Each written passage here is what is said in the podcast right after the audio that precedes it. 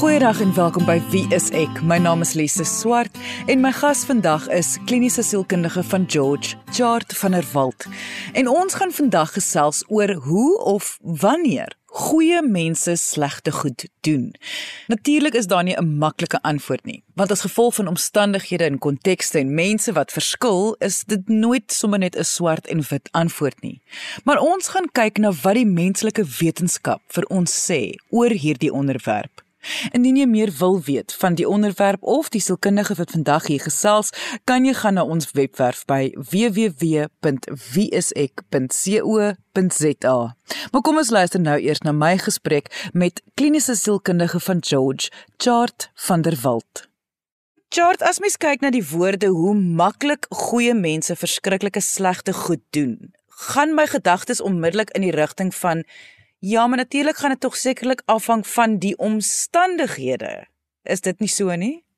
Ja, ek dink dit is waarskynlik die hele punt van van hierdie praatjie is dat volgens my is is enige iemand in staat om bykans enige iets te doen afhangende van die omstandighede. Dit is meer as net wie jy is, maar ook waar jy is en die omgewingsfaktore die druk, die keuses, die besluite wat vir jou beskikbaar is en wat vir jou moeiliker of makliker gemaak word. Wanneer jy nou sê dat eh, enige mens kan enige iets doen. Dit is dis tog 'n moeilike konsep vir mense om te glo, veral as iemand glo hulle is 'n goeie mens, nou tussen aanhalingstekens. As jy daai woorde spreek, wat wat sê jy of wat sien jy as jy dit sê? Ja, as jy as jy mooi geluister het, sou het ek gesê bykans enige iets doen. So ah. dit is ek sal nie sê dit is 100% nie, maar dit ehm um, dit is baie naby. Ek dink as 'n mens kyk net op die oomblik na die TV en luister na die nuus en so voort, dan hoor 'n mens 'n klomp keer goed wat jy dink moes dit moontlik dat enige iemand so iets kon doen. Met die COVID situasie het, het nou baie meer die Amerikaanse politiek en die BLM opstande en die onluste en hier by ons die die winkelplunderings gesien. En al hierdie hierdie goed word deur mense gedoen wat waarskynlik nie slegte mense is. Hmm. En dit het my aan die dink laat sit oor 'n klomp ander voorbeelde wat oor die jare gekom het ehm um, waar mense vreeslike goed gedoen het. Kyk toe ek op skool was, was daar mos nou 'n ding soos ontgroening geweest. Ek dink jy kom ook uit tyd uit. Mhm. Mm en hoe mense reg vernederende inisiasieprosedures deurloop het net om om deel te wees van 'n sekere iets of dit nou 'n rugby span is en of dit 'n leerlingraad is uh, of wat ook al dis 'n vorm van hoe mense half gewillig deel word van 'n proses en die mense wat jou dan daardeur sit ook voel geregverdig om te doen want hulle is self dan daardeur gewees. So dis dis 'n voorbeeld.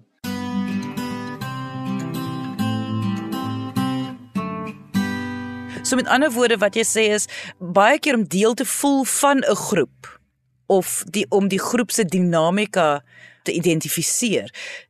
Daai gaan meeste van ons teen teen een druk in 'n in 'n rigting is wat ons nie noodwendig gedink het ons in sou gegaan het nie.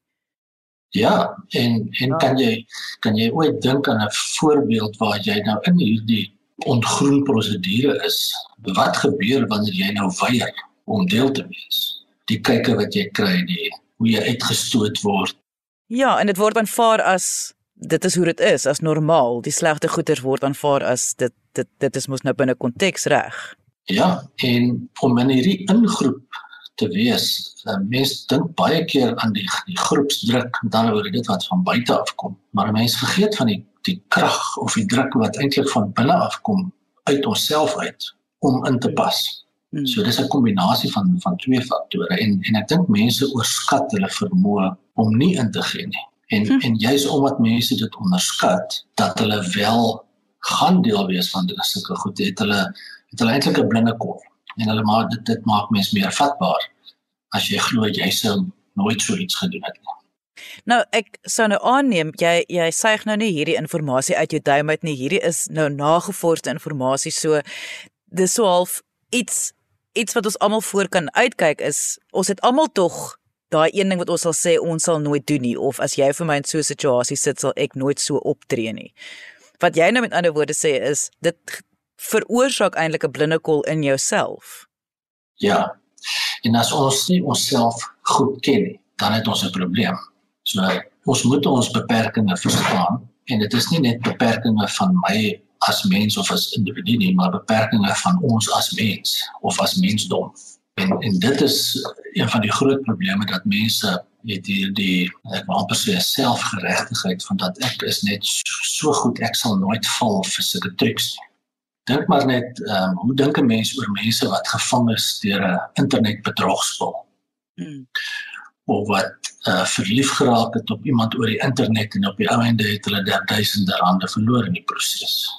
Hmm. Mense eerste indruk is om te sê maar daar's fout met daai persoon. Asof dit 'n vrot appel persoon is. Terwyl in die regte omstandighede is die meeste mense geneig om eintlik dieselfde te doen as 'n mens gaan kyk na sektes leiers soos ek weet nie of jy vir daai um, Reverend Jim Jones onthou het en hulle honderde mense mekaar vermoor en op hulle selfmoord gepleeg het tot daar niemand oor was nie.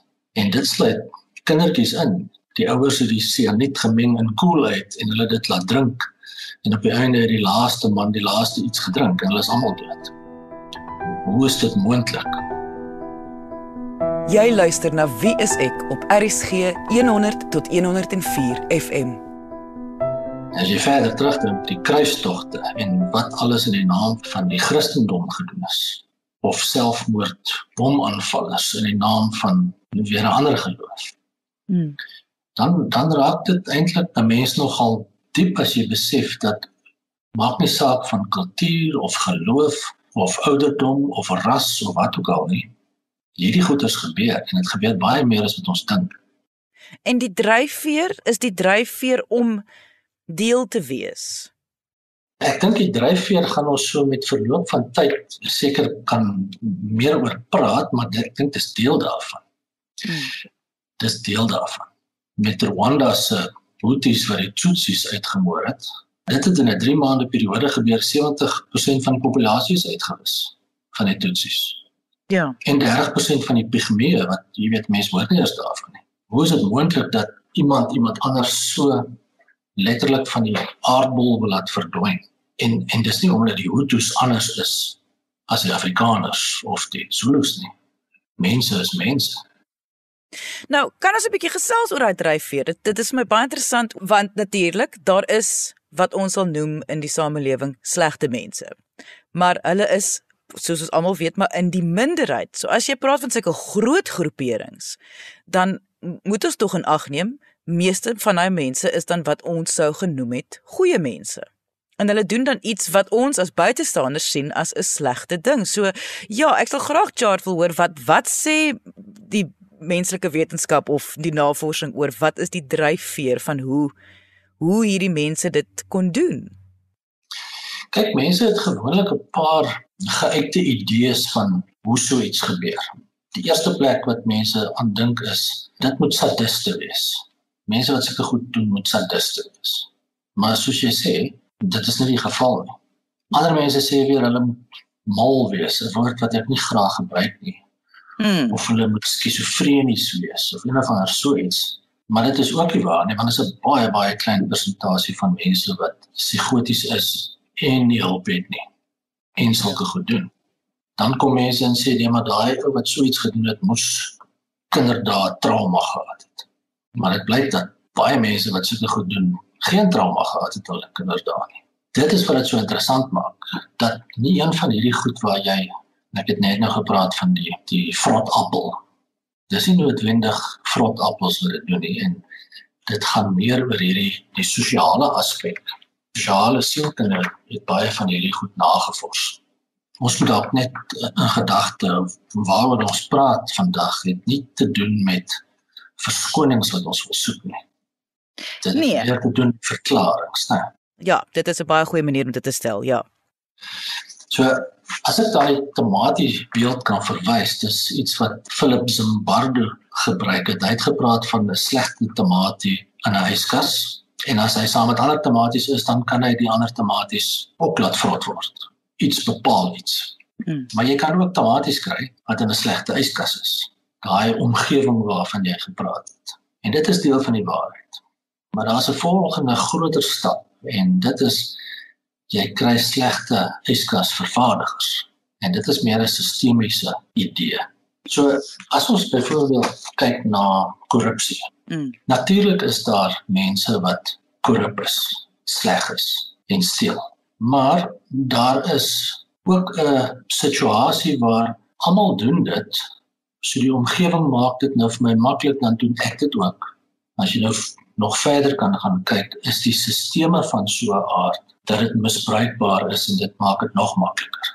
So as mense 'n video sien van 'n klomp mense wat bier van 'n trok afsteel, dan kan jy al drie daai goed sien. Ander mense doen dit. Ek het dalk al iets gesteel in my lewe al was dit iets kleins. Hier is dit gratis. Hmm en dit word maklik gemaak want die polisie staan terug of wat ook al. En en dis deel van die verklaring waarvan ons hier praat.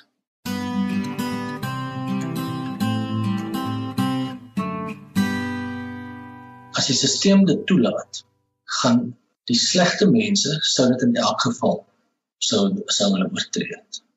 As die stelsel dit maklik maak, gaan bykans almal oortree. So, die oomblik as jy die stelsel terugbring waar daar oorsaak en gevolg is. Is die eerste mense wat gaan ophou om dit te doen, gaan die goeie mense wees. En dan gaan die verandering en die invloed wat mense op ander mense het nou net in die teenoorgestelde rigting gebeur. Sodat op die ou einde is dit net die die regte vrot appels wat die slegte gedrag doen. Maar Elise, hoe goed ken jy jouself en hoe goed ken ek myself? Ja. Ons ken onsself goed in normale omstandighede, maar ons dink nie altyd hoe ons sal optree in abnormale omstandighede. Dit is nou juist wat ek nou sit en dink, wat ek sit en dink nou, mens moet tog sekerlik eers jou self probeer sit in daardie omstandighede, want jy is nie in dieselfde omstandighede nie. So mens moet seker eers jouself afvra indien jou oorlewing daarvan afhang of jy is in 'n posisie van massa hysterie om jou jy kan dit tog nie antwoord tot jy nie eintlik tog eintlik maar daar al was of is nie. Ja, en as as ek nie weet of ek in kom ons sê radikaal anderste omstandighede gaan gaan optree, as ek weet hoe, ek dit gaan doen nie. Hoe gaan ek nou weet of iemand anders sal dit sal doen? Want dit is nog moeiliker om iemand anders te ken as om myself te ken. En ek het net nou vir jou gesê dat die meeste van ons dink ons sal nie so iets doen nie. Ja. So as ons dit nie van onsself verwag nie, hoe sal ons dit dan nog van iemand anders verwag?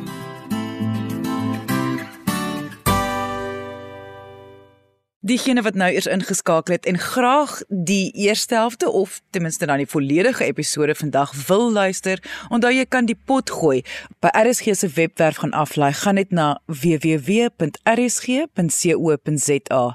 Klik op die woord pot gooi bo aan die tuisblad, kies die program van die lys wat verskaf word en luister na enige episode volgens die uitsaai datum of kort beskrywing. Maar kom ons luister nou verder na my gesprek met kliniese sielkundige van George Chart van der Walt oor hoekom goeie mense slegte goed doen. Chart, dit laat 'n mens nou wel bekommer in 'n mens self, maar dan ook in die mens wees, want eh, wat hoe ek dit nou sien is mens kan dit sekerlik dan nou nie eers voorspel nie. Mens kan nie eers voorspel wanneer mense dan of kan nie wag. Kan 'n mens actually dan voorspel wanneer mense dalk slegte goed gaan doen? Ja, as 'n mens weet wat al die faktore is dan is dit makliker om te voorspel. Maar ons moet maar onthou dat die mens van nature korrekteerbaar is. Miskien kom ons kyk na die eerste van verskeie faktore. En dit gaan oor die die rol wat 'n mens speel in jou lewe. Dit is baie duidelik dat hoe langer jy 'n rol speel, hoe meer word jy die rol. Met ander woorde wat ek nou onmiddellik my kop gaan nou onmiddellik na byvoorbeeld hoe langer jy 'n slagofferrol speel, beteken nie jy is dan 'n slagoffer nie, jy speel die rol van 'n slagoffer. Hoe hoe meer geneig gaan jy wees om die slagoffer te word? Ja. Maar dink maar aan al die rolle wat 'n mens speel in die lewe. Jy kry mense wat 'n blou bil is of 'n stormer. Mense sien my as 'n sielkundige, iemand anders as 'n bouer of 'n pastoor. Jy kry die hakkelaar of die sanger of die nerd of die stoutgat of die slagoffer soos jy gesê het of die redder of die boelie die chunkbody en dink net aan al die interessante name wat mense vir mense gee beskrywende terme wat eintlik verskriklik onnadenkend is en iemand begin definieer as net daai een rol. So hier sien ons weer 'n ander faktor van hoe jy mense dalk eerder meer moet beskryf in terme van gedrag eerder as persoon. Jy wil nie vir 'n kind sê hy is dom nie. Jy moet liewer sê daai was 'n dom fout wat hy gemaak het. Ja, ja gedrag kan mens ja. verander, maar om persoonlikheid te verander is 'n verskriklike groot werk. Vat jare. So hoekom sal jy die hele tyd iets suggereer van jy is so? Dink maar aan wat ma's en pa's met kinders doen.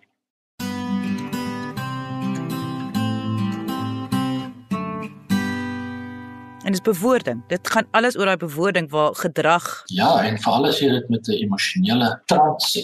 Want onthou, as jy op 'n kind skree, dan gaan daai kind onmiddellik in transe. Sy lyf verstar, sy pupille word groot en hy kyk jou met sulke groot oë aan. So hy is eintlik in hipnose vir daai paar sekondes en jou volgende woorde tree dan op as 'n hipnotiese suggestie. En 'n suggestie is 'n baie kragtige ding. So as jy op 'n kind skree en die volgende woorde is jou stupid, dan begin hy dit in te neem as ek is stupid. Naderhand kry hy niks meer reg nie want hy's nog stupid. Net om dit nou weer terug te bring by goeie mense wat slegte goed doen. Wat met ander woorde wat jy sê is as jy 'n rol aanhoudend vervul van aanhoudend speel, dan gaan jy later daai rol begin leef. Ja. En dit vat nie baie lank nie. Daar was 'n verskriklike interessante studie, die tronk eksperiment by die Stanford Universiteit.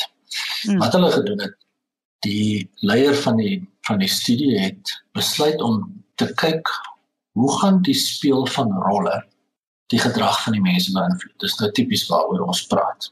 En hulle het toe universiteitsstudente, dit was almal mans geweest, genooi om deel te wees van die studie. En al die wat gekom het en gesê het hulle sal deel wees, is toe geëvalueer. Hulle is psigologies geëvalueer en toe ook psigometries geëvalueer. En dan word 'n toets op hulle gedoen en almal wat een of ander vorm van afwyking het of patologie het, is geweier om aan die studie deel te neem. So slegs die die kom ons noem dan nou maar die normale ouens wat nie probleme gehad het nie, is toe toegelaat en hulle is in twee ewe gekamp ewe kansige groepe verdeel en van hulle is toegeken die rol van 'n bewaarder en 'n ander van 'n gevangene. En hulle het 'n uh, jong die ding baie mooi beplan. So die gevangenes in aanhalingstekens is die dag voor die studie begin het is hulle in hegtenis geneem by hulle huise speel speel en hulle het die uh, hele gang in die universiteit het hulle omskep dat dit lyk soos 'n tronk met traliehekke en so aan. En die gevangenes het 'n uh, so 'n oorpak gekry met 'n nommer op en so 'n kadoetjie of 'n wiki. En die wagte het 'n uniform gekry met 'n donker bril en 'n knippel en al wat gesê is vir die wagte is hulle moet sorg dat orde gehandhaaf word hier in die tronk. Toe het die eksperiment begin. Ek dink dit hulle is die Sondag komstig in hegtenis geneem en toe ingeboek in die tronk en dit sou vir 2 weke aangehou het. Jy luister na Wie is ek op RSG 100 tot 104 FM. Maar wat nou gebeur het is van dag 1 af het dinge begin skeefloop. In so 'n mate dat die wagte al meer begin boelie het, mense vreeslike name genoem het en nagskofte het net nog erger geraak. Van die bewaarders het van die gevangenes laat kaal uittrek. Die gevangenes het begin rebelleer en teëgeskop. Toe is mhm. voorregte weggevat. Mag nie meer toilet toe gaan nie. Later het hulle strafwerke moes doen op die tweede dag met hulle toilette skrob. Na 36 ure die eerste persoon gebreek en is hy van die studie afgehaal want hy het uh, kon dit net nie meer hou nie. Op 'n einde het hulle sodomie gesimuleer. Hulle moes kaal speletjies speel. Hulle het papiersakke oor hulle koppe getrek en gedreig om hulle met elektrisiteit te skok. Een ou het heeltemal psigoties geraak en begin halusineer en hy moes afgehaal word. En die wagte het nie net aktief verneder nie, uh, of wat nie aktief verneder het nie, het ook nie die ander wagte gestop nie. En die eksperiment sou aangehou het as die die professor of die dokter daai tyd is 'n uh, verloofde hom nie gedreig het dat sy dit gaan opbreek as hy nou nie die ding stop nie. Want hy was half die, die tronk hoof gewees en hy het net so in sy rol ingegaan en wou nie die storie stop nie want dit is sulke wonderlike data wat nou hier uitkom. Op die einde moes hulle op die, na 4 dae moes hulle die hele ding stop. Toe was 4 ouens al van die studie af. Dit was verskriklik geweest. Um, baie van die ouens was absoluut getraumatiseer maar dit het ons ja. baie geleer oor wat se effek hierdie speel van rol op 'n mens kan hê dat dit naderhand verskriklik was en eintlik nie vir sensitiewe kykers of luisteraars dit is baie goed wat ek nou weer hou oor wat daar gebeur het net 'n opsomming van wat het jy nou eintlik vir ons gesê hoekom het jy die studie genoem hoe wat wat sê jy nou eintlik vir ons OK ek dink wat wat die studie eintlik sê is dat situasionele of omgewingsfaktore kan maak dat 'n rol waarin jy jou bevind jou druk om die grense van daai rol te oorskry. En dit is met ander woorde wanneer goeie mense slegte goed doen. Ja, as die as die omstandighede geskep word waar dit maklik raak om die grense van die rol te oorskry, dan sal goeie mense die meeste goeie mense sal dan daai grense oorskry. George, wat ek wel wil weet is om nou hierdie inligting te hê. Wat beteken dit vir die alledaagse mens op straat? Vir ons wat nou luister hierna.